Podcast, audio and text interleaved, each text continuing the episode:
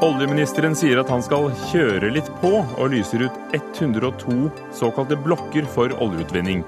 Helt vanvittig og dypt uansvarlig, sier Miljøpartiet De Grønne. En mann fikk redusert straff og offeret lavere erstatning etter voldtekt, fordi hun jobber som prostituert. Er det i orden? Ja, sier forsvarergruppen.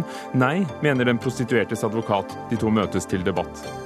Høyre ombestemte seg om flypassasjeravgiften. En tidligere ansatt ved nedlagte Rygge lufthavn sier hun ikke vet om hun skal le eller gråte. Og hvor stort er problemet med gjengkriminalitet i Oslo øst? Vi snakker med forskeren, politimesteren og politikerne.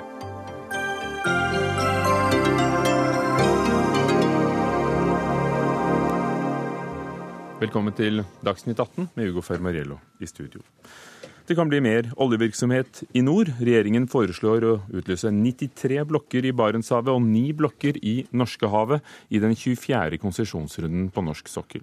Det er rekordmange, og det er dypt uansvarlig, sier Miljøpartiet De Grønne, og legger til at mer oljeutvinning er den blå-blå regjeringens avskjedsgave til økt global oppvarming i megaskala. Men før de får si det, olje- og energiminister Terje Søviknes fra Fremskrittspartiet. Vi må kjøre litt på, sa du da du annonserte dette tidligere i dag. Hvorfor må vi det? Nei, fordi eh, vi trenger mer olje og gass. Eh, verden trenger mer energi. Eh, og prognosene fram mot 2040 er jo at vi pga. økt befolkningsmengde i verden og at vi ønsker å løfte folk ut av fattigdom og opp i levestandard, så trenger man borti 30% mer energi, mer olje og gass. Eh, og Norge har en ren, eh, relativt ren produksjon, i den forstand at vi har lavere CO2-utslipp fra vår sokkel enn det vi har i gjennomsnitt av eh, verden ellers. Faktisk halvparten. Og Det er jo fordi vi har ført en ansvarlig politikk over lang tid. Bl.a. hatt ei egen særnorsk CO2-avgift siden 1991. og Så lenge verden etterspør olje og gass, så er det jo bedre da at vi produserer med lavt CO2-avtrykk enn at den produksjonen poppe opp igjen i en eh, annen oljeprovins i verden. Og hvorfor så mange så plutselig? Fordi eh, det er viktig med ny leteaktivitet for å skape ny langsiktig eh, utbygging og aktivitet på norsk sokkel. Det gir arbeidsplasser, det gir verdiskapning, som er utrolig viktig for velferden vår. Det dreier seg om finansiering av barnehager, skoler, helse og omsorg. Faktisk er det jo sånn at I statsbudsjettet nå så er en sjettedel av inntektene knytta til olje- og gassvirksomheten. Vel 40 000 per innbygger. Så Vi skal ha en omstilling, men den må gå gradvis. Og Inntil vi kommer dit, så skal vi ha altså olje- og gassvirksomhet i Norge i mange mange tiår. Og Derfor så har Frp og Høyre-regjeringa en offensiv eh, politikk på å tildele nye areal, som er fundamentet for ny aktivitet. Arild Heimstad fra Miljøpartiet De Grønne, stortingskandidat eh, for dem. Dette vil øke vårt bidrag til global eh, oppvarming. Men eh, vi har ikke avlyst olje- og gassalderen helt ennå? Vi har ikke avlyst den, men vi skal avvikle den. Vi mener at vi må avvikle den på 20 år for å møte de forpliktelsene som vi har inngått, bl.a. i Parisavtalen og i i den dealen som vi har med EU om at vi skal kutte først, 40, altså først 40% til 2030, og så videre til 90 kutt i 2050. Og det er ikke forenlig med å leite etter ny olje som binder oss fast til uh, høye utslipp langt, langt inn i fremtiden, og lenge etter at alle disse klimamålene skal være møtt. Så Problemet her er at det største bidraget Norge gir til global oppvarming, det er norsk olje- og gassvirksomhet. Så du er ikke bekymret for, for, utslippene ved å utvinne det som måtte være i disse blokkene på kartet her, men eh, hva den oljen brukes til etterpå? Altså, Hvis du har bestemt deg for å eh, ta opp den oljen fra havets bunn, så kommer den til å bli brent, og da kommer de utslippene til å havne i atmosfæren. Og vi vet at eh, Klimapanelet anslår at ca. 80% av det vi til nå har funnet av kull, olje og gass, det må faktisk bli liggende der det ligger. Eh, og da, Hvis Norges bidrag er å lete etter enda mer, så er det det samme som å ikke bry seg om klimaforpliktelsene våre. Og tenke at det, det er andre land som skal redde klimaet, det er ikke Norge. Og det er jo også en økonomisk ganske usikker måte å bruke fellesskapets ressurser på, eh, og faktisk drive med eh, ganske Det er ganske store offentlige bidrag inn i denne satsingen. Altså det, staten betaler 78% av alle letekostnadene. og det, Selv om det har vært veldig bra til nå, så kan det være en ekstremt dårlig eh, økonomisk eh, veddemål for fremtiden. Hvis, hvis verden lykkes med å løse klimaproblemet. Hvordan har dere regnet på det? Er, det? er, det? staten som betaler for å lete på disse stedene? Vi har et uh, skatteregime som gjør at uh, vi henter store, store verdier ut fra olje- og gassvirksomheten til fellesskapet. Det har vi gjort, det kommer vi til å gjøre òg eh, i fortsettelsen. Og så har vi ei leterefusjonsordning som blir sagt her, som stimulerer til aktivitet på norsk sokkel, fordi det er viktig at vi har et, eh, en bredde av aktører som eh, kan være med å lete, og som etter hvert kan skape arbeidsplasser og verdier på norsk sokkel. Så blir det sagt én ting her, og det er for så vidt riktig at man allerede nå har funnet 80% av det man kan svi av av kull, olje og gass.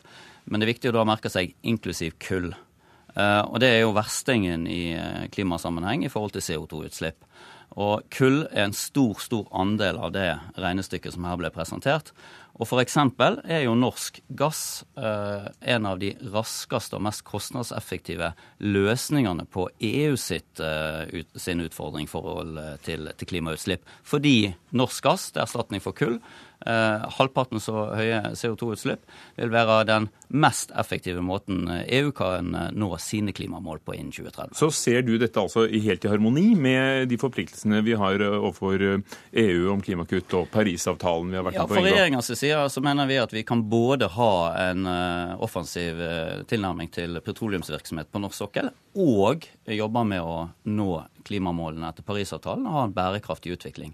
Vi må jo gjøre flere ting samtidig. Vi satser jo tungt på fornybarsida og har eh, i samarbeid med, med, samarbeidspartiene våre, Venstre og KrF, eh, investert mye i Enova for å bidra til energieffektivisering og ny teknologi. Eh, Fornybar AS og alle og de andre klimatiltakene. Men det er ganske mye. Men vi må gjøre flere ting samtidig, og man kan ikke liksom skru igjen kranen som MDG er inne på her. Det vil bare skade norsk økonomi og sette mange, mange titalls tusen norske arbeidsplasser i fare. Og MDG har ikke noe svar på hvordan de skal erstatte det. Jeg, jeg må jo bare si at eh, Du må gjerne kritisere eh, Miljøpartiet for eh, at vi eh, vil skru igjen kranen. Men eh, Det internasjonale pengefondet var her på besøk i fjor, i mai. og Da sa de at hvis Norge ikke snarest blir mindre oljeavhengig, så risikerer vi langvarig og høy arbeidsledighet fordi at vi låser oss fast i fossil infrastruktur. Og Det, det er også verdt å merke seg. Men her vil jo her vil jo uh, industrien selv først utvinne dette hvis det, hvis det, lønner seg, hvis det finnes ting som ja. lønner seg å utvinne. Jo da, men det er ikke industrien som har skrevet under på Parisavtalen. Det er ikke industrien som har sluttet seg til EU sine klimamål, det er den norske regjeringen. Og da må den norske regjeringen ta ansvar for at vi ikke tilrettelegger for at en ganske uetisk bransje får lov til å fortsette å lete etter olje. Vi har oljeselskaper som Shell og Exxon som er inne på norsk sokkel. Og som ikke sitter her i dag? Nei, og De har visst om det i 40 år, og vi kan ikke overlate til de å ta disse beslutningene. Det må vi som politikere gjøre. Fra Venstre, regjeringens støtteparti, hva syns du om uh, nyheten i dag? Ja, Nå sitter vel Venstre mer bare i en maktposisjon. Men uh, det er helt riktig at uh, vi skal redusere våre egne utslipp, og vi skal redusere de med minst 50, 40% fram mot 2030. Og så er det der statsråden tar feil, er jo at man sier at, og legger til grunn at vi har tjent gode penger tidligere på olje og gass. Så sier han det kommer vi også til å gjøre i framtida. Og det er jeg usikker på. Oljeforbruket i verden må gå ned i tiårene framover for at vi skal nå Parisavtalen. Ikke bare to grader, men også ned mot 1,5 grad. Og da må vi også begynne å se på vår oljepolitikk i lys av.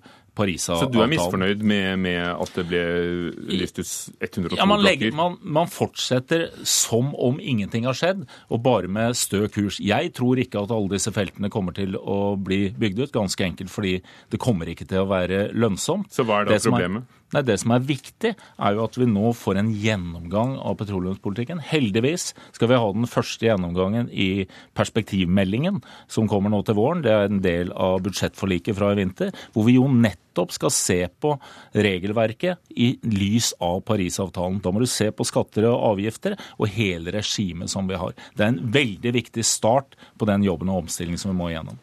Hvilke miljøfaglige råd har du fått før, eh, før utlysningen her? Vi uh, jobber hele tida både med olje- og gassida og fornybarsida. Uh, Men når det gjaldt denne, hvilken påvirkning dette vil ha i forhold til målene? Vi har selvfølgelig våre, fått innspill fra både Miljødirektoratet og, og andre i arbeidet med 24. runde. Det er en lang og veldig solid prosess med høring. og I første runde er det nominasjon fra selskapenes side på nye områder de ønsker å utforske.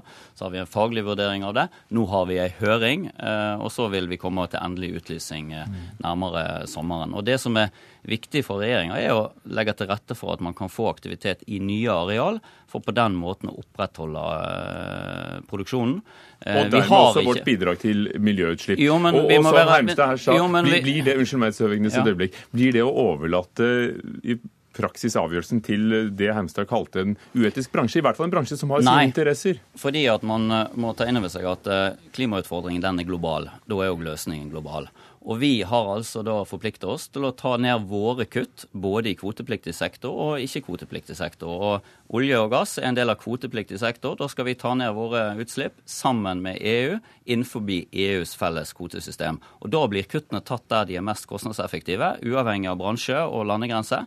Uh, og vi skal klare å nå de målene samtidig som vi produserer olje og gass. Og det må jo i et globalt klimaperspektiv kjære vene, være bedre at vi utnytter våre ressurser da med den teknologi og kunnskap vi har om å holde CO2-utslippene nede fra produksjonen, enn at produksjonen skjer i en annen del av verden der CO2-utslippene er høyere. Eller hvis av kull. Vi kan både få industrien og, og, og levere noe av den reneste fossile øh, brennstoffet. Dette er jo et slør, fordi at kull det er første steg. Eh, etter hvert så skal vi fase ut gass. Eh, I f.eks. i Frankrike så er han som leder på meningsmålingene, han sier at Frankrike skal slutte med gass etter 2030. Holland ønsker ikke å bruke gass i fremtiden. Så utslippene i veldig mange land de skal altså videre nedover etter 2030. Og det er da denne oljen som i dag disse feltene som i dag utlyses, de kommer til å bli utvunnet etter 2030. Og da er det ingen i verden som er spesielt interessert i dette. Da har vi mange viktige ting vi skal gjøre. Og da blir de vel ikke utvunnet, da? Problemet nå er jo at staten nå har vi så gode ordninger at vi er med på å drive fram felt som ellers ikke ville bli utvinnet hvis det bare var selskapene selv. Kunne du forhindre dette? Tar... Venstre også?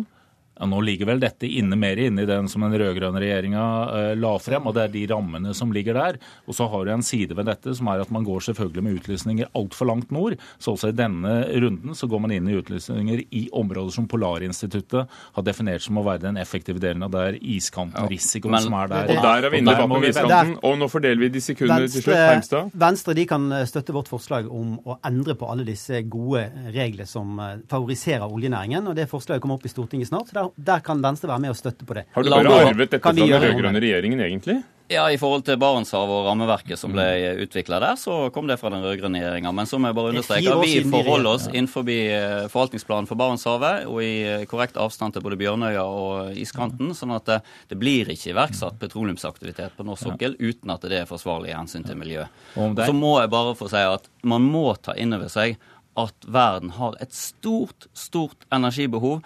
Og selv om nå vind og sol vokser, så kommer det altså fra et ekstremt lavt nivå, under 2% på mm. verdensbasis. Vi heier fram fornybar, men, men olje og gass ja, blir en viktig del av verdens energimiks, og da må vi være på banen. Men du vet likevel at, at olje, oljeforbruket er må ned. Er også et knapphetsgode i Dagsnytt 18. Takk skal dere ha. Ola Elvestuen fra Venstre, Arild Heimstad, kandidat for Miljøpartiet De Grønne, og Søviknes, Terje Søviknes, olje- og energiminister. Dagsnytt 18 alle hverdager kl 18.00 på NRK P2 og NRK2.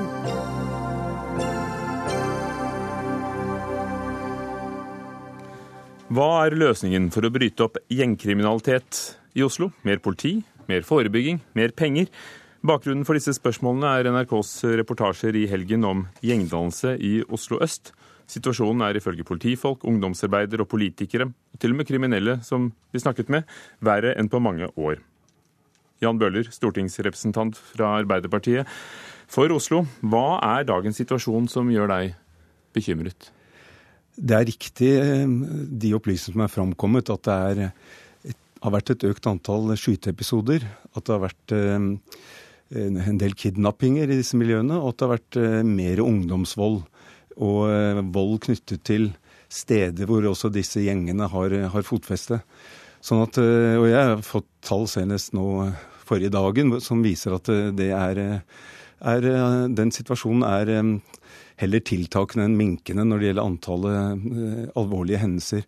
Men, men jeg også bygger også på samtaler med mange som er tett opp mot miljøene, og de sier jo at det er mye som ikke rapporteres, fordi man er redde for å anmelde, redde for å snakke med politiet, fordi man er redde for å bli stemplet som såkalt tystere, eller å få trusler og vold mot seg. sånn at eh, jeg tror vi må ikke gå i den fella at vi undervurderer dette her, samtidig som vi ikke overdriver. For det er klart at for de aller fleste vanlige mennesker så er det trygt i disse bydelene i Oslo, men for deler av ungdommen som utsettes for, eh, for, eh, press fra disse miljøene, så er det en situasjon som ikke er holdbar.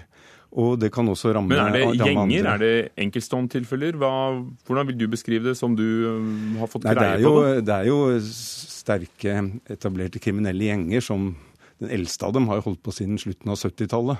Og, og, og, den nest eldste, altså B-gjengen, holdt på siden 80-tallet, og nå har vi en ny gruppe som særlig har utspring i Oslo sør, som, eh, som har kommet til de siste fem-ti årene som jo er nå, eh, nå, den mest offensive av disse. Sånn at De har en veldig avansert struktur og måten de jobber på. De rekrutterer ungdom veldig aktivt. Og det er særlig den siste delen, rekruttering av ungdom, som jeg er opptatt av. Anders Werp sitter i justiskomiteen for Høyre. Hvordan ble det sånn? Dette er en utvikling vi ser i Europa, og, og, Norge har en utvikling som er parallell. Vi er litt forskjøvet, vi er litt eh, etter det vi ser i Sverige og, og Danmark. Eh, og nå er vi i en fase hvor vi ikke må komme så langt som vi ser bl.a. i Sverige. Vi må bygge våre tiltak på kunnskap og fakta.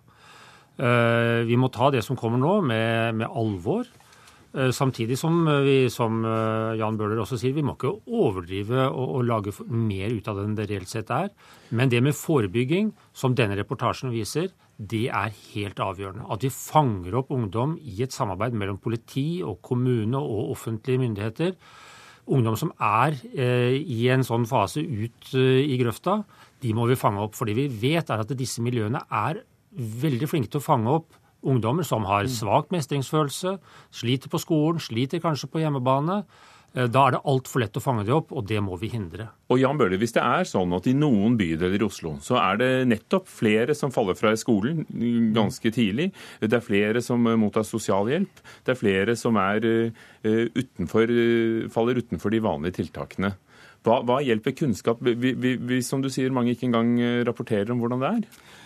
Ja, altså Det er jo eh, riktig at det er altfor mange som faller fra. I disse delbydelene vi snakker om her, så ligger jo eh, frafallet i videregående eh, mellom 30 og 40% heller opp mot 40 Og, og i, blant gutta er det høyere enn blant jentene, så der kan det være 40-50% Så vi må være klar over at det, det, er mange som faller utenfor. Og så kommer disse som rekrutterer til gjengene og forteller dem. Og der vi har jo møtt eh, gutter som er i den faresonen mellom gjeng og et lovlydig liv, som forteller at de kan tjene flere tusener om dagen på det meste på narkosalg. Og en som skøyt at han bortimot var blitt millionær i løpet av en eh, periode.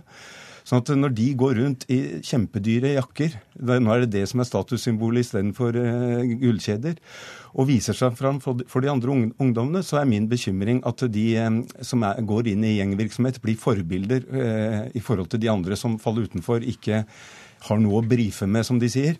Og, og det, den, den, det, må, det, må, ikke være sånn at man kan lykkes med en kriminell karriere. Derfor må vi være veldig tett på disse gjengstrukturene, sånn at de ikke får operere fritt overfor ungdom.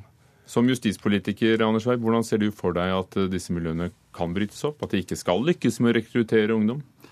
Det er tre faktorer for å bryte opp eh, gjengdannelser. Det er aktivt politiarbeid for å bekjempe kriminaliteten og å komme innenfor eh, og bakenfor disse strukturene. Det er det første. Det andre det er samarbeid mellom politi og først og fremst kommunene for å forebygge eh, og stoppe rekruttering inn i miljøene. Og det tredje er også å skape en sikker vei ut av disse miljøene, altså en exit-strategi.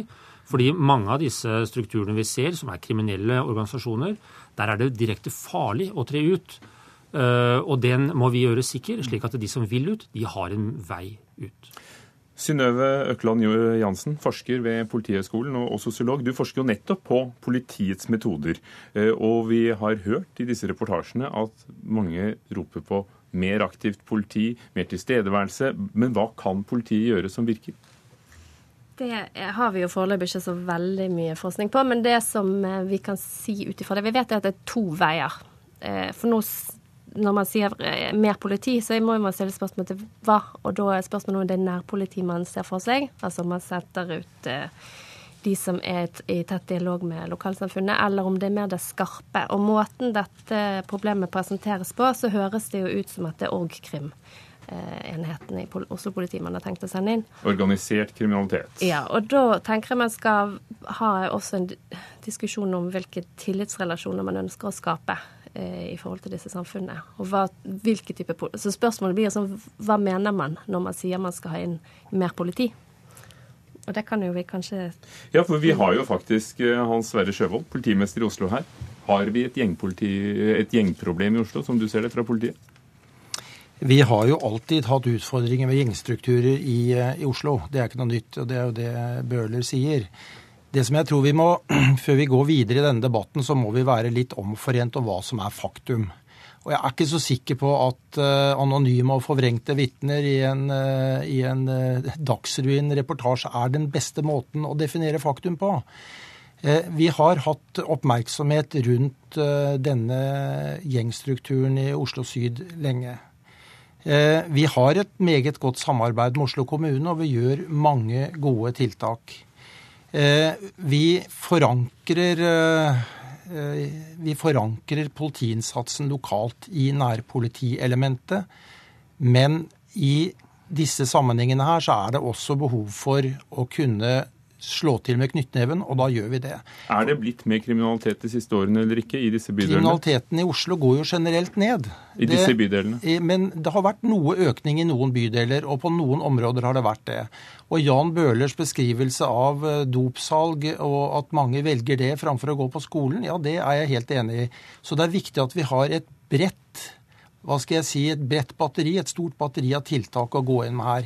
Og det er ikke bare politiet som kan løse alt, men akkurat gjengstrukturene må vi ta hardt. Det tror jeg ikke det er noe tvil om, og vi kan ikke la det være noe tvil om hvem som bestemmer der ute. Altså, og vi har overhodet ikke svenske tilstander i, i Oslo. fordi eh, det er, det er, ikke noen steder i Oslo ikke vi kan gå inn og gjøre en god jobb fordi at ikke vi tør, eller fordi at vi blir kasta stein på, eller sånne ting. Det vil jeg avvise. Synnøve Økland Jansen, hvordan er situasjonen i Oslo i forhold til eh, nabolandene våre, sammenlignet med nabolandene våre?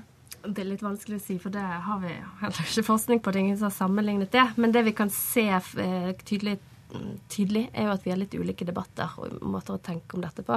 Um, og så har vi nok hatt litt ulike ut, altså utviklinger. Um, ja, sånn at Oslo sammenlignet eh, med andre storbyer i Norden, så har vi jo hatt lite problemer. Um, og så skal ikke jeg si at vi ikke skal ta dette på alvor. Noen, eh, noen, utfordringer har vi her i Oslo også. Spørsmålet er jo på hvilken måte vi tilnærmer oss de. Og Hvilke utfordringer ser du i ditt arbeid? Jeg ser jo det samme som blir påpekt der med sosial ekskludering og marginali marginalisering av ungdom som da sliter. Eh, spørsmålet er om det er et altså justispolitisk problem, eller om det er noe vi skal tilnærme oss med sosialpolitiske virkemidler. Hva sier du Jan Bøhler som Oslo-politiker? Nei, Jeg er glad, glad, for det mm, politimesteren sier her om at når det gjelder den harde kjernen som har utvikla seg til um, farlige kriminelle gjennom mange år, og som ikke tar noe for å få en fengselsstraff, gå ut igjen, fortsette et kriminelt liv, så er vi dessverre der hvor man ikke kommer noen vei uten at det er den den dyktigste enden av politiet og den skarpeste enden, altså de som jobber med organisert kriminalitet, som må være på dem. Og avdekke sånn. hvordan de arbeider, og også få dømt dem for noe. fordi det er ikke de lederne som slåss på gata eller selger narkotika på gata. Man må jobbe mye grundigere med dem for å få tatt de lederne som hele tida har nok av folk de kan rekruttere. Det krever langsiktig politiinnsats, og dette er ikke et arbeid som er gjort på to-tre uker. Dette er et arbeid som man bruker flere år på. Og jeg bare må si... Hvis det er sånn at skoleelever ned til 12-13-14-15-årsalderen blir Eh, eh, får tilnærmelser fra disse gjengene og blir eh, involvert. Hva kan skolen gjøre? Hva kan byen gjøre? Ja, Det er klart at altså det, det, er to ender. ikke sant? Fordi skoleelevene de må ikke ha disse som forbilder. De må se at, de, at politiet er i stand til å stoppe dem, kle av dem, at det ikke lønner seg å være kriminell. Så overfor noen av disse miljøene nå, så er det kommet så langt at kom, vi kommer ikke videre uten at de blir kledd av. At de blir tatt ned. Sånn som man gjorde på, eh, med B-gjengen på Furuset i 2006. Da fikk de redusert, satt, mange av dem ble tatt, satt inn, og de er ikke forbilder blant ungdommer lenger. Og Det samme må, må, skje nå. Men så må vi fra den andre enden, der, der jeg særlig savner en sterkere innsats, er eh, innsatsen overfor de eh, som dropper ut av videregående skole. Altså en mer tett oppfølging av dem for å at de går inn i dette, dette løpet og blir frista til å gå denne veien. Det er for mange som går i løse lufta og venter på, for lenge på at noe skjer, når de dropper ut. Og det er, den, det, er det punktet hvor jeg aller mest savner en, mener at vi kan stille opp med bedre innsats lokalt fra. Er det mer politi eller mer på forebygging, mer lokal innsats? Hva sier du, Anders Werp? Vi trenger absolutt mer av alt det du spør om. Eh, for vi ser jo at gjengstrukturene har noen fellestrekk. Eh, rekrutteringen, det er ungdom i drift. Eh, der må politiet mer på banen, sammen med kommunen, skolene, sosiale eh, strukturer osv. Frivilligheten har, viktig, har viktige bidrag å yte her. Politiet er den skarpe enden. Det å håndheve at vi er et samfunn som ikke aksepterer kriminell gjengdannelse. Og så har vi nettopp også dette at de som ønsker ut, vi vet jo at det er etter noen år, etter en tid, noen som ønsker ut av disse miljøene. De må vi også legge til rette for. Hans Sverre Sjøvold, politimester. Når folk forteller at de er utrygge, at de ikke lar barna gå alene på gaten, at de ikke kan gå ut av ishockeytreningen fordi de kan bli fraranet eh, køllene, at, at barn bærer eh, skytevåpen. Eh, kan det være at det er en underrapportering i statistikken? Sier du at folk ikke opplever dette? Jo, jeg tar det på det høyeste alvor. Poenget mitt er jo bare at vi må ha et faktagrunnlag før vi kan iverksette tiltak. Bærer barn våpen? Altså, hvor, hvor kommer det fra? Eh, vi må begynne å bli litt mer presise i virkelighetsbeskrivelsen. Og er det noe disse gjengene syns er kjempebra, så er det akkurat den debatten vi har her nå. du mener de har en egeninteresse? De har en egeninteresse, for de elsker å få, å få, omtale, og det gir status å få bli definert som en trussel, sånn som de nå gjør. Men det er ikke dermed sagt at vi ikke mener at vi skal ta debatten, for den er kjempeviktig. Og jeg tror vi, dette er en helt avgjørende hva skal jeg si, vi må lykkes i, i, byene for å ta disse gjengene, for ellers så får vi store problemer på sikt. og Det er det flere problemer nå enn for ti eller 20 det kan, år siden? Det kan svinge. Altså, Vi har hatt gjengproblemer i Oslo for en 10-12 år siden også. Jeg tror Bøhler har en god oversikt over det. Det stemmer. Men, men, dette er jo virkelig de store, gode spørsmålene å diskutere når det gjelder politivirksomhet. Altså, Det å investere penger i Oslo f.eks., ja, eh, da får man masse igjen for pengene. For eh, den er den høyeste kriminalitetsraten vi har i Norge. Det er jo her. Så evner vi å løse en del av våre utfordringer, så jeg tror det kommer norsk, hele norske samfunn til gode. Og det vil vel aldri skje, men dere har jo en organisasjon for organisert kriminalitet. Dere har politi som arbeider forebyggende. Og likevel så, så, så finnes det gjenger, og, og, noen av dem vokser. Og, og, eh, og det er narkotika i skolegårder. Så hvorfor det, ikke? Det tror jeg. Vi vil aldri ha et politi som evner å løse alle utfordringer i samfunnet. Og jeg vet ikke engang om vi ønsker å ha det, men det er klart at vi, vi, jeg klager ikke til eh, Anders Werp på at vi har fått for lite ressurser her. Vi har de verktøyene vi trenger. Men det er klart at vi må også kraftsamle og rydde opp når vi ser at dette ikke har, eh, er godt nok. Og Det kan godt hende at vi burde ha tråkket til hardere tidligere her, men, men, det skal jeg sørge for at vi nå gjør. Er det godt nok nå? Nei, men hva er godt nok? Som forsker Synnøve Økland Jansen, hva, hva, er godt nok? Er, uh, hva kan gjøres for at det skal bli alt det vi kan gjøre? Da tenker jeg å spille på lag for å spille hverandre god. Eh, og det er jo litt tale at det sitter mest altså representanter fra justispolitikken her. Skulle vi gjort noe, tatt dette det som rapporteres på alvor, så ville man jo også trukket inn andre deler av politikken. Er det trygt overalt i Oslo? Jan Bøhler? Det er eh, ikke områder som er utrygge eh, generelt for befolkningen, men noen, særlig ungdom, som utsettes for, for kan du si, eh, disse gjengene. Særlig presses til å kjøpe, presses til å være, bli rekruttert. De er ikke trygge alle steder. og Politiet på et møte jeg var, var nylig, sa at en fjerdedel der av ungdommen var uttrykt at de var redde for å gå ut pga. trusler fra disse miljøene. Så vi må ta det på alvor. Jeg, har lyst til å virkelig gi ros til Oslo-politiet. De gjør en kjempejobb, men samtidig er Oslo det stedet i landet hvor vi ser den nye kriminaliteten komme først. Derfor er det viktig at Oslo-politiet har ressurser, har kompetanse og har kapasitet. Det Sjøvold sier her, er jeg helt enig i, og vi fra vår side i Stortinget og regjering skal gjøre vårt for å styrke det ytterligere. Sjøvold, for, de som, for dem som lurer og kanskje er på vei til Oslo, er det trygt i Oslo? Ja, og i så måte så syns jeg det er fint å kunne ta de resultatene fra siste innbyggerundersøkelsen, hvor Oslo var ansett som et av de tryggeste stedene i Norge. Og det har da, har da innbyggerne rapportert. La nå ikke det Altså, Oslo er et trygt sted, men det er klart kriminalitet vil kunne skape utrygghet. Men i denne undersøkelsen så var altså 93% av alle i Oslo følte seg trygge der de ferdes. Ikke glem det. Takk skal dere ha. Hans Sverre Sjøvold, politimester i Oslo, Anders Werp fra Høyre, Jan Bøhler fra Arbeiderpartiet og Synnøve Økland Jansen, forsker ved Politihøgskolen.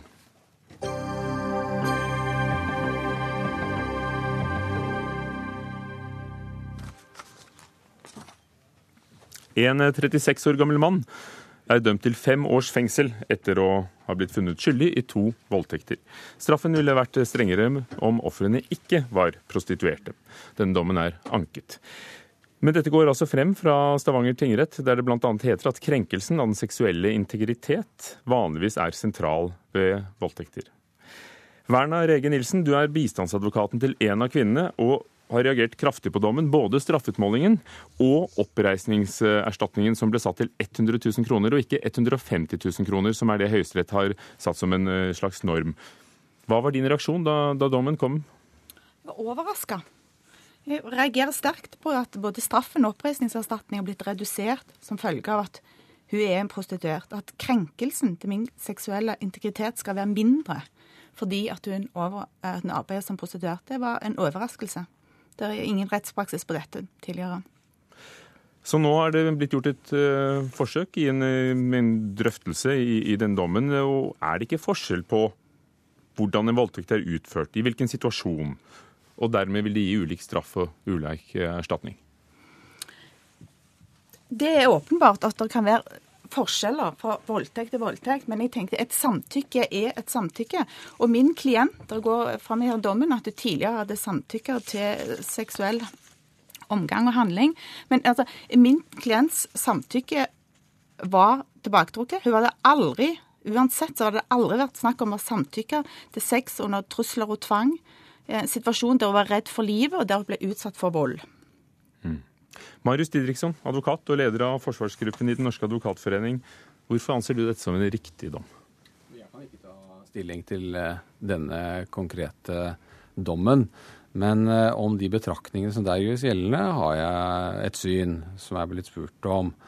Eh, la meg først si at det er ingen som kan samtykke til eh, voldtekt. Det som gjerningspersonen her har gjort, det er galt og urettmessig og straffbart. Og han skal altså straffes, og det har han eh, blitt i dommen. Når straffen skal utmåles, så skal man ta utgangspunkt i den straffbare forholdskarakter, altså det grovheten i handlingen, og også gjerningsmannens skyld. Så må man fastsette en straff. Jo grovere handlingen er, jo strengere blir straffen. Eh, slik at er det f.eks. planlagt, så blir det strengere straff enn om det ikke var planlagt. Det er altså en konkret øvelse som skal til. Så her er det ikke snakk om at et forhold er formildende. Her er det bare å finne et treffende og et riktig nivå. Det at uh, offeret er prostituert, spiller det inn? Det er, vil ofte være en ekstra sårbar gruppe? Svaret på det er nei. Eh, eh, hvis spørsmålet er om det virker formildende for gjerningsmannens straff at, eh, at fornærmede er, er, prostituert, hvis det var det som var spørsmålet, ja. ja, så er svaret nei. Den prostituerte har vern akkurat som alle andre. Og det er like straffbart å voldta en prostituert som alle andre. Det som er mitt anliggende, er å få frem det er at straffutmåling er en konkret øvelse. Man må inn i de konkrete omstendighetene. Det gjør vi på alle områder innen strafferetten. Vi gjør det innen eh, vinningskriminalitet, narkotikakriminalitet, også voldskriminalitet. Det man gjør inn i, er å gå inn i, se konkret på den nærmere handlingen. Hva kjennetegner den? Og her er det visse trekk ved handlingen som retten har festet seg ved, som er med på å danne et bilde for straffeutmålingene. For å si det enkelt, Det, er forskjell på de situasjoner hvor en fornærmet, som her, det under handlingen, under akten så å si, ble et spørsmål om penger, og derfor, ikke, derfor, er ikke seksuell omgang greit likevel. Det er forskjell på en, slik fornærm, på, på en slik situasjon og en situasjon hvor man nærmest er ute og lufter bikkja si og blir dratt bak en busk og voldtatt. Det tror jeg alle skjønner. Det er forskjell på de to situasjonene, og det må også komme til uttrykk i straffeutmålingen. Dette henger sammen med likhet for loven. Likhet for loven krever at like tilfeller skal behandles likt. Men det betyr også at ulike tilfeller skal behandles ulikt. Berna Rege Nilsen. Ja. For det første så var det ikke riktig i denne saken at samtykke ble trukket fra, eh, fram i, midt i akten.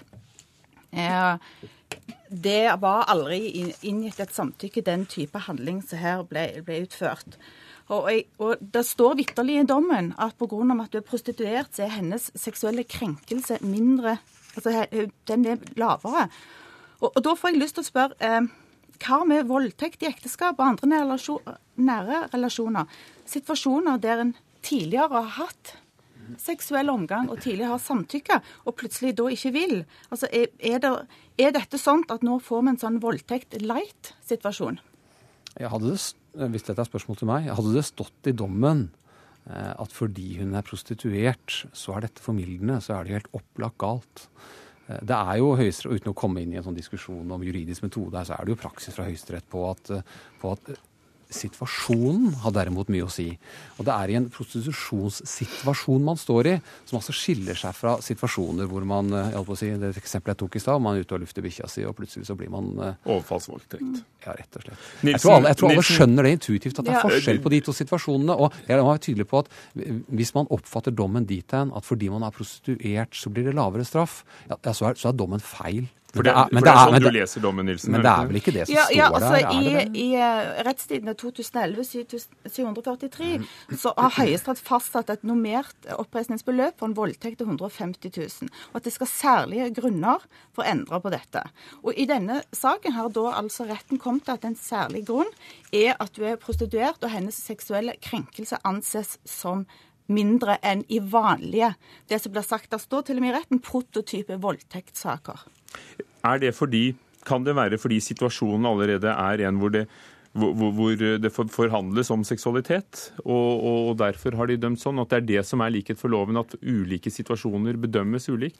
Ja, men, som Didriksen var inne på. Uavhengig om forhandle om seksualitet, så hadde min klient aldri Det var, det var ikke forhandlinger om å ha sex under trusler og tvang sex i en situasjon der du er redd for livet, og der du blir utsatt for vold. Er du kvinne eller mann, svart eller hvit, stor eller liten, prostituert eller ikke, alle har det samme vernet mot å bli voldtatt. Og blir, blir, man voldtatt, så blir det omtrent den samme straffen. Men det er altså ikke det som er situasjonen her. Leser, leses dommen på den måten som det antydes her av motadvokaten min, at fordi man er slik eller slik, så blir det lavere straff, ja, så er dommen gæren. Men det er altså ikke det som står. altså. Det er den konkrete situasjonen, den prostitusjonsdiskusjonen man er i. At det er i den settingen at forholdet finner sted, som gjør at kanskje forholdet skiller seg kanskje litt fra, fra andre fornærmede. Det tror jeg egentlig alle skjønner. Nilsen, de, de, gjerningsmannen er, dømt for voldtekt, og, og din klient mm. er blitt eh, tilkjent uh, erstatning. Men er det, er det prinsippet, er det, er det ordlyden du, du, ønsker annerledes ved at denne saken nå skal til lagmannsretten? Helt åpenbart. For, det, altså, for min klient så har aldri verken straff eller størrelsen på oppreisningserstatning vært noe tema.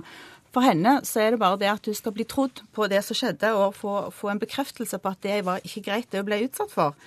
Eh, og, og jeg... Men hun har også blitt trodd. Retten har lagt til grunn fullt ut eh, at, det hun har forklart, ja. og så har altså gjerningsmannen fått straff i mange, mange år, og hun har fått erstatning. Så, men, men, men, Nilsen, for deg er det en, en symbolverdi? At... Det er en symbolverdi. At det, at det, skal ikke stå det at hennes seksuelle integritet er mindre krenka fordi om hun er, er prostituert. Takk skal dere ha, begge to. Det er så langt vi kom. Denne saken skal altså opp i lagmannsretten. Werner Rege Nilsen, bistandsadvokat til en av kvinnene i denne saken, og Marius Didriksson, leder av forsvarergruppen i Advokatforeningen.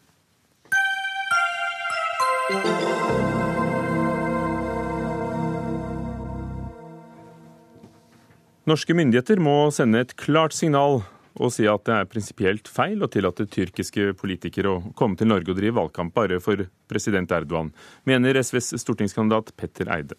Utspillet kommer altså midt oppe i den, det anspente forholdet mellom Nederland og Tyrkia. Nederland har nemlig nektet den tyrkiske utenriksministeren og familieministeren innreise for å avholde valgmøter i forkant av den tyrkiske folkeavstemningen. Og la oss begynne der, i Tyrkia, i Istanbul. NRK-korrespondent eh, Sissel Wold. Aller først, kan du minne oss om hva denne folkeavstemningen skal gå ut på? Det er eh, en grunnlovsendring. Folket skal ta stilling til om grunnloven skal endres slik at Tyrkia får et nytt styresett. Man går bort fra det parlamentariske systemet man har i dag, og får da et presidentstyre som er mye mye sterkere enn i dag, mye mer sentralisert. Presidenten får nesten uinnskrenket makt. Så mange er jo redd for at det er veien til diktatur. Mens eh, president Erdogans tilhengere mener at, eh, de mener at Erdogan er rett mann til å styre landet med en fast hånd, så de stemmer eh, ja til det. Og I ettermiddag kom det meldinger om at Tyrkias EU-minister tar til orde for å revurdere denne flyktningavtalen mellom Tyrkia og EU. og Denne avtalen har da bremset strømmen av, flyktninger og migranter til eh, Europa. Og Det kom jo da etter klammeri med både Nederland og, og, Tyskland, hvor de heller ikke har tillatt mange av folkemøtene som har vært planlagt med tyrkiske politikere. Eh, hva ligger i denne trusselen fra EU-ministeren? Ja, disse truslene har kommet tidligere også fra presidenten, og de kommer ofte når uh, Tyrkias regjering er misfornøyd med EUs politikk. Uh, fremdeles så har jo ikke Tyrkia fått visumfrihet for sine borgere. Det skulle være en del av denne avtalen, det forhandles det om fremdeles. Og fremdeles så er det jo ingen EU-samtaler, ingen EU-forhandlinger på gang nå. Det skulle også være en del av den avtalen. Men trusselen om å åpne dørene for en ny flyktningstrøm er jo veldig eh, skummel for eh, tyske, tyske politikere og nederlandske politikere som er i valgkampmodus nå. 16.4 skal de altså stemme over dette forslaget om, om, grunnlovsendring. Hvorfor er det så viktig for Erdogan og, og hans eh, meningsfeller å mobilisere ellers i Europa? Ja, det er mange som spør om det. Hvor mye makt er det Erdogan eh, egentlig vil samle på sine hender? Han er jo veldig mektig allerede. Eh, jeg må legge til én ting til. Det er at i Grunnloven, som var vedtatt i parlamentet i 2008, da AKP, altså Erdogans parti, hadde flertall, så står det faktisk at det er forbudt for politikere å drive valgkamp eh, utenlands. Så dette er jo ganske interessant. Men det er veldig viktig for eh, ja-siden, som presidenten tilhører, å samle så mange stemmer de bare kan. Eh, også utenlands, fordi at utfallet av dette valget er veldig usikkert. Eh, et støtteparti er splittet på midten. Eh, også en del av AKPs egne velgere er litt tvilende til om det er bra å samle så mye makt på hendene til én person. Takk skal du ha, Sissel Wold i Istanbul. Ja, Petter Eide, stortingskandidat eh, for SV. Du ønsker ikke tyrkiske politikere i Norge for å drive valgkamp eh, rent prinsipielt. Hva mener du? Hvor skal grensene gå? La meg ta et skritt tilbake, sånn at vi også får nyansert dette litt. Vi eh, står altså overfor en situasjon hvor Tyrkia, et land med 80 millioner mennesker, delt mellom Europa og, og Asia, nå, som Sisselvold sier, på vei mot diktatur. Denne debatten handler prinsipielt om hva Norge skal gjøre for å forhindre dette. Eh, og jeg er veldig opptatt av at eh, Norge tar en tydelig posisjon Eh, sammen med flere andre europeiske land for å si fra at vi finner det helt uakseptabelt at Tyrkia går mot, mot diktatur, og at de skal avholde en folkeavstemning om mer makt til presidenten uten at de slipper til opposisjonen. Eh, journalister er fengslet, eh, politikere er fengslet. Jeg har selv nylig vært i Tyrkia og møtt eh, et av partiene der hvor halvparten av parlamentarikergruppa nettopp var, var, fengslet. Og I den situasjonen så skal vi stille krav om at hvis man skal drive valgkamp i, for dette i Norge, så må alle sider slippe til. Tyrkisk Men her er jo opposisjonen hjertelig velkommen? Den tyrkiske, tyrkiske opposisjonen også? Tyrkiske politikere er velkommen til å drive valgkamp i Norge. Det mener jeg. Vi skal hegne om ytringsfriheten i, i Norge, men vi skal bruke anledningen til å si fra at vi, er, at, vi er, at vi, tar avstand fra den eh, manglende ytringsfrihet som blir gjennomført i Tyrkia. Anna Maria Silva Harper, du leder minoritetsrådet i Drammen og er bystyremedlem i Drammen Høyre, og mener at, eh, at Eide er, på ville veier. Eh, hvorfor, når du, når du hører ham legge frem meningene sine? Ja, For det første så fordi at vi bor i et fritt land, og det er demokratisk land som Norge, mener jeg at utspillet er helt feil. Eh, jeg er prinsipielt uenig i dette her, fordi at i et sivilisert samfunn som Norge bor personer med bakgrunn fra mange land mer eller mindre demokratisk. Så dette er jo ikke bare Tyrkia, det er mange andre land som, som, som har det samme situasjonen. Eh, jeg vil også presisere at jeg støtter ikke noen av, sidene i den saken. Eh, jeg har lovet alle mine tyrkiske og kurdiske venner på begge sider at jeg støtter ikke noe verken den ene eller andre sida i den folkeavstemning. Men jeg syns det er prinsipielt uh, uriktig at man skal komme med å blande seg i dette her når det gjelder andre land. Fordi dette kommer opp uh, nå, og fordi i Drammen i kveld så holdes det et møte med en tyrkisk uh, tidligere politiker som har representert Erdogans uh, parti AKP i nasjonalforsamlingen. Han avviser at han skal drive valgkamp for AKP og Erdogan. Han skal bare informere. Og Eide, med din erfaring også fra, fra Amnesty International gjennom mange år, så er det jo en, en balansegang her, da. Fordi det er jo ytringsfrihet. og og forsamlingsfrihet i dette landet? Absolutt. Denne situasjonen er vanskelig. Den er også vanskelig rent prinsipielt. Men derfor er det viktig å holde fram demokrati og ytringsfrihet som på en måte vår eh, rettesnor og ledetråd i, eh, i akkurat dette. Skulle eh, denne tyrkiske statsborgeren vært forhindret fra å snakke i Drammen, mener du? Nei, det syns jeg overhodet ikke. Men jeg syns norske myndigheter skal si fra. Vi må huske på at norske myndigheter har vært helt tause. Denne konflikten i Europa nå har versert mange dager.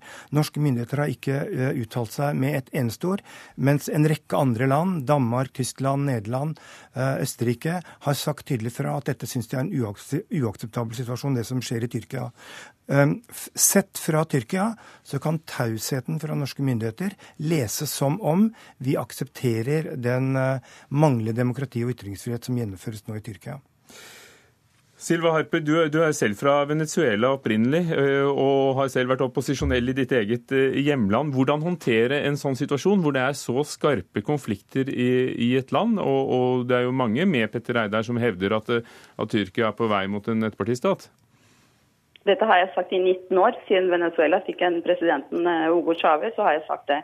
Og har, jeg har vært i opposisjon som du sier, i 19 år. Og ja, nå skjer det i Venezuela det som, som, kommer kanskje til å skje i andre land. Vi kan ikke spå. Men det som jeg tenkte jeg skulle si, at vi må akseptere at eh, personer med et annet etnisk bakgrunn bor i Norge. Eh, når de flytter hit, nullstiller vi ikke oss. Vi har en, en bakgrunn, og noen ganger så flytter vi faktisk fra disse regimene. Og man kan ikke tro at, uh, at vi har forskjellige politiske ståsted her og preferanser. Og i hvilken grad vi skal engasjere oss i, i, opprinnelseslandpolitikk, det er opp til hvert enkelt. Det, det, mener jeg at vi ikke skal blande oss i. Men, og regjeringen kan mene hva de vil om, om, om det som skjer i Tyrkia. Men å nekte noen person til å komme hit og, og representere en annen parti enn det vi er enig i eller ikke, det syns jeg er helt galt. Det er det jeg mener er prinsipielt feil. Nå er det en tidligere politiker, og det er ganske lite møte. Men, men hadde det vært en, en statsråd, da, en minister, som, som, det har vært snakk om i, i Nederland, eller aktive politikere som i Tyskland som ville ha folkemøter, ville det vært i orden? Det syns jeg er helt i orden. Petter Eide. Eh, ja, la, vi, har, vi gir ordet til Petter Eide, for vi har få minutter. Det, det, dette handler om, det er at uh, ulike land skal blande seg inn i hvordan andre land har demokrati og, og, og menneskerettigheter. Uh, Tyrkia er også en del av Europakonvensjonen. De har ratifisert en rekke internasjonale menneskerettigheter som forplikter dem til å ivareta demokrati. Og det er også de andre partene i de samme konvensjonene som skal utfordre Tyrkia på å ivareta sine forpliktelser. Så det å kritisere andre land for at de bryter menneskerettighetene og ikke opptrer demokratisk, det er både en plikt og en rett. Men ville du som i Nederland hindret da aktive politikere, statsråder fra Tyrkia? Fordi vi har jo, som Silva Hape sier, vi har jo borgere fra andre land som har stemmerett i deres egne land fortsatt.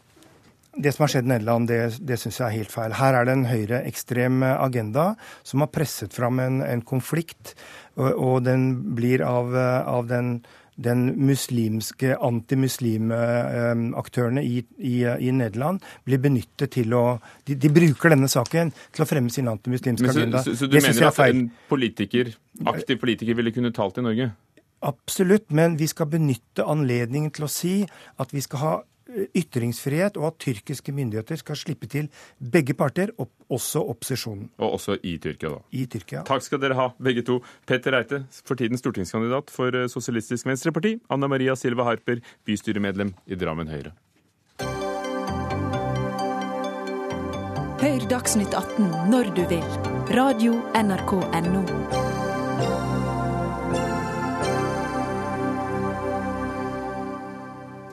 Arbeiderpartiet forventer at regjeringen blåser liv i Rygge lufthavn etter at Høyres landsmøte skrotet den omstridte passasjeravgiften som kom i fjor. Da regjeringen innførte avgiften, la Ryanair, det irske flyselskapet, ned sine flygninger til Rygge, og over 500 mistet arbeidsplassene sine. Og nå foreslås det også å gjøre Rygge til en avlastningsflyplass for Oslo lufthavn Gardermoen. Aller først, la oss begynne i Fredrikstad. Iselin Blakkestad, du er en av dem som mistet eh, arbeidet etter at Rygge ble nedlagt. Hvordan reagerer du på at Høyre nå går inn for å, å kvitte seg med passasjeravgiften, som kritikerne mente var en avgjørende årsak til at Rygge ble lagt ned? Nei, det, jeg vet egentlig ikke om jeg skal le eller grine av det. Eh, det er klart å bli forbanna. For eh, vi kjempa for arbeidsplassene våre langt over et år. Og nå, fem måneder etter at flyplassen er lagt ned, da skal de plutselig høre og ta bort hele avgifta, som ikke skulle vært innført fra første stund. Hmm. Hvordan går det med, med deg nå, med, med, tanke på jobb? Nei, jeg, jeg er arbeidsledig, da. Sitter her eh, og ikke gjør så veldig mye, dessverre. Eh, sammen med veldig mange andre av kollegaene mine. For du var jo tillitsvalgt for eh, rundt 500 eh, ansatte for handel og kontor, og, hvordan går det med dem? Nei, det er veldig mange som fortsatt står uten jobb. En del er i noen permisjoner og sykemeldinger enda, men mange er uten jobb, og det er ikke så lett å få noen jobber her nede. Hva synes du om forslaget fra Arbeiderpartiet om å puste liv i din gamle arbeidsplass og la Rygge bli en sivil lufthavn eh, som skal eh, avlaste Gardermoen når det blir for lite der? Eh, jeg syns det høres som et kjempeflott initiativ, men jeg er faktisk litt redd for at kanskje det er litt for sent. At konsekvensen av at flyplassen allerede har vært lagt ned et halvt år, den er såpass stor. Men selvfølgelig, det er det beste som kunne vært for Vårs her nede i Østfold, i hvert fall hvis flyplassen kommer opp igjen. Nå foreslår jo Høyre å, å, erstatte dagens avgift på sikt med en annen miljøavgift. Er det sikkert at det ville forandre situasjonen så mye, når vi snakker om flyselskap som, som lever på lave priser og, og, veldig små marginer, tydeligvis, da, siden de fant ut at de måtte legge ned virksomheten på Rygge? Nei, men det som er på en måte litt tingen her, er jo det at der, den avgifta skulle ikke vært innført fra starten av. Eh, flyselskaper kan man aldri vite 100 sikker på hvordan er. Eh, selvfølgelig, markedet forandrer seg. Og, men det er litt det at når man kommer et halvt år etterpå og sier at nei, nå skal vi bytte den ut, det burde de ha tenkt på litt tidligere. Jeg ser vel egentlig Vi har vært brikker i det politiske spillet i over et år, og jeg ser egentlig litt på det her òg som et sånn nytt eh, kynisk politisk spill, dessverre. Takk skal du ha, Iselin Blakkestad. Du var altså en av dem som, som jobbet på Rygge lufthavn tidligere. Svein Flåtten fra finanskomiteen i Høyre, dere er ferdig med landsmøtet, og dere ombestemte dere altså og, og vil fjerne passasjeravgiften. Hva vil dere isteden? Ja, Det ble vedtatt et forslag om at man skal ha en mer miljørettet avgift, og erstatte den som da ble innført med en eh, annen som er mer, går mer på miljøavgifter. For det er jo en rent fiskal avgift, altså for å få inn pengene, den vi i øyeblikket har. Det var det som ble vedtatt. Dag, det er, og det er altså 80 kroner per sete, ja. og 88 hvis du flyr innenlands, for det er moms. Ja, og det er fullt mulig å erstatte den, men, eh, men det er jo klart at det vil ta tid.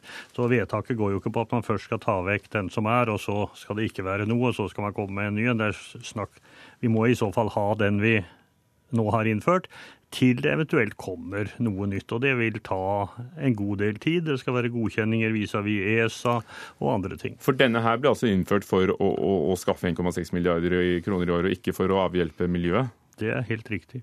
Hmm. Hva tenker du når du hører en Iselin Blakkestad si at hun vet ikke om hun skal le eller gråte? Nei, Jeg skjønner jo godt at man kanskje reagerer på dette, dette forslaget. Eh, men eh, jeg er helt enig med henne når hun sier at eh, det er vanskelig å vite hva flyselskapene vil gjøre. Slik at det som gjorde at det ikke lenger var muligheter med drift på Rygge, det var jo ikke grunnlaget og formålet med avgiften. Det var jo avgiften i seg selv. Så hvorvidt den blir erstattet med noe som er mer miljørettet, det vil jo ikke gjøre det noe rimeligere for flyselskapene. Og jeg tror vel kanskje ikke at de kommer tilbake til Rygge av den grunn. Det er jo også noe som vi må tenke på. Stein Erik Lauvås i kommunalkomiteen for Arbeiderpartiet. Hva, hva tenkte du i helgen da flypassasjeravgiften ble Skrotet av Høyre. Ja, Det er vanskelig å vite hva flyselskapene tenker, men det er jo nesten noe enda vanskeligere å vite hva Høyre tenker. Eh, det har jo vært en voldsom kuvending på dette her. Nå har Høyre snudd og, og, og reversert sitt eget vedtak. Dessverre for seint, eh, og som en tillitsvalgte som Iselin Blakkestad sier. Eh, de har vært brikker i et politisk spill hvor det mangla noen penger på et statsbudsjett. Og midt på natten, uten å konsekvensutrede noe som helst og forstå konsekvensene av vedtakene sine, så innfører altså Høyre en, en avgift på, på, flytrafikken som fører til at flere hundre, altså over 500 mennesker, direkte mister jobben i Østfold. Og så kan du legge på eh, noen hundre til i Østfold som mister jobben om, på ringvirkninger på dette. Og så ja, manglet det ikke, det manglet ikke på advarsler. Det manglet ikke på advarsler. For etter at man vedtok dette, helt uklokt, så sender man altså ut en høring. Og 90% av høringssvarene advarte sterkt imot dette, fortalte hva konsekvensen var. Høyre valgte å være steile, sto på sitt, og så sa de denne avgiften skal innføres uansett. Og vet du hva? Vi kan ikke ha en, en næringspolitikk og en avgiftspolitikk styre landet på denne måten. Det går faktisk ikke an. Men det er jo litt interessant å vite hva Arbeiderpartiet tenker også. Eh, de gjør jo først også det ene, og så det andre. Dere, la meg få, la meg for. Dere var sterkt imot og latterliggjorde dette da den ble innført. Men for 2017 så stemmer dere for. Dere har ikke noe forslag i Stortinget i fjor høst om å avskaffe denne avgiften. Dere har ikke noe forslag i Stortinget i fjor høst om å utrede en miljøavgift, om å redusere avgiften. Dere har rett og slett gått inn på dette. Dere protesterer for all verden, men dere følger med på ferden. Du, du, vet, du og Høyre er stemte, vi stemte imot den. Vi stemte imot den når forslaget kom i statsbudsjettet. Hør nå, vi stemte imot den den når han kom i statsbudsjettet, og vi hadde dekket den opp krone for krone. For vi stemte imot den når den kom i revidert, og vi dekket den opp krone for krone. Hva gjorde dere for to ganger Flåtten hadde du muligheten til å være med å forstå alvoret i dette. Du valgte å la det være. Du var steil og sta og hørte ikke på noen andre enn deg selv. Nå må jeg si at du er steil og sta, fordi du hører ikke på programleder. Ja, men han hadde advarslene. Det manglet ikke på de. Vi stemte Hvorfor har Arbeiderpartiet ganger. dag Vi står med stor troverdighet i dette. Høyre har rotet det til. Nå har de innsett det, men det, altså, de er ikke til å stole på. Hvorfor har Arbeiderpartiet valgt å, i sitt budsjett for 2017 å beholde den? Ja, men Når du har blitt nedstemt, altså ikke én gang i Stortinget, men to ganger, så må du til slutt innse at vel, da har vel den avgiften da kommet for å bli. fordi at et sterkt, altså Regjeringspartiene og de to støttepartiene Dere var pragmatiske. Har, ja, men selvfølgelig må du på et eller annet tidspunkt være det, og det forstår Flåtten godt. Men nå har de forstått noe Kort. annet. For nå har de brukt tida på Gardermoen til å snu på sitt eget vedtak. Men for seint, dessverre for Rygge. Men det finnes en rekke saker hvor Arbeiderpartiet gjentar sine forslag hele tiden. År etter år vil de øke skattene, selv om de har blitt nedstemt år etter år. La oss holde oss, La oss holde oss til flypassasjeravgiften, ja, som var veldig omdiskutert. Både fra flyselskapenes side, de ansatte på Rygge, men, og politikerne. Flåtten sier at de vil gå inn for en annen type avgift som er mer rettet mot miljøet, og ikke bare å dekke inn budsjettet. Og, og da ville vel eh, virkningen være det samme når du tenker på arbeidsplasser? Nei, altså innretningen her har vært viktig. Eh, og Hvis man hadde lagt dette på innretningen på en annen måte, som en type miljøavgift, en CO2-avgift, kall det hva du vil, så hadde, så hadde, utslaget ikke blitt det vi har sett i dag. Da hadde Rygge bestått, for da hadde man ikke fått dette utslaget. Så det var innretningen på dette som var helt feil fra starten av. Det skjønte de ikke når de valgte å gå inn for det. De, advarslene kom i høringsperioden. Høyre valgte å glatt overse det. Er det godt at de har snudd, da? Ja, men Selvfølgelig er det det, men det som er synd, det er at det er for seint. Og Iselin Blakkestad, som hun sa her, og mange flere enn henne, sitter nå uten arbeid og inntekt takket være Høyres elendige avgiftspolitikk. Men, men innretningen eh, ville jo uansett rammet selskapene. For at hvis du skal få godkjent en slik avgift, så må du da legge det på distansen som flys. Og det vil også ramme passasjerene. Det vil gå på billettene. I tillegg så må det være en likhet mellom utlandet og innlandet. Det vil altså bli Ja, veldig mye det. dyrere å fly i Norge, f.eks. til Finnmark. Takk skal dere ha. Tiden flyr. Svein Flåtten fra Høyre i finanskomiteen komiteen og Stein Erik Lauvås eh, fra Arbeiderpartiet. Fredrik Lauritzen var ansvarlig for denne utgaven av Dagsnytt 18. Guri Heisberg Finnsveen teknisk ansvarlig. Ugo Fermorello programleder. Takk for i dag.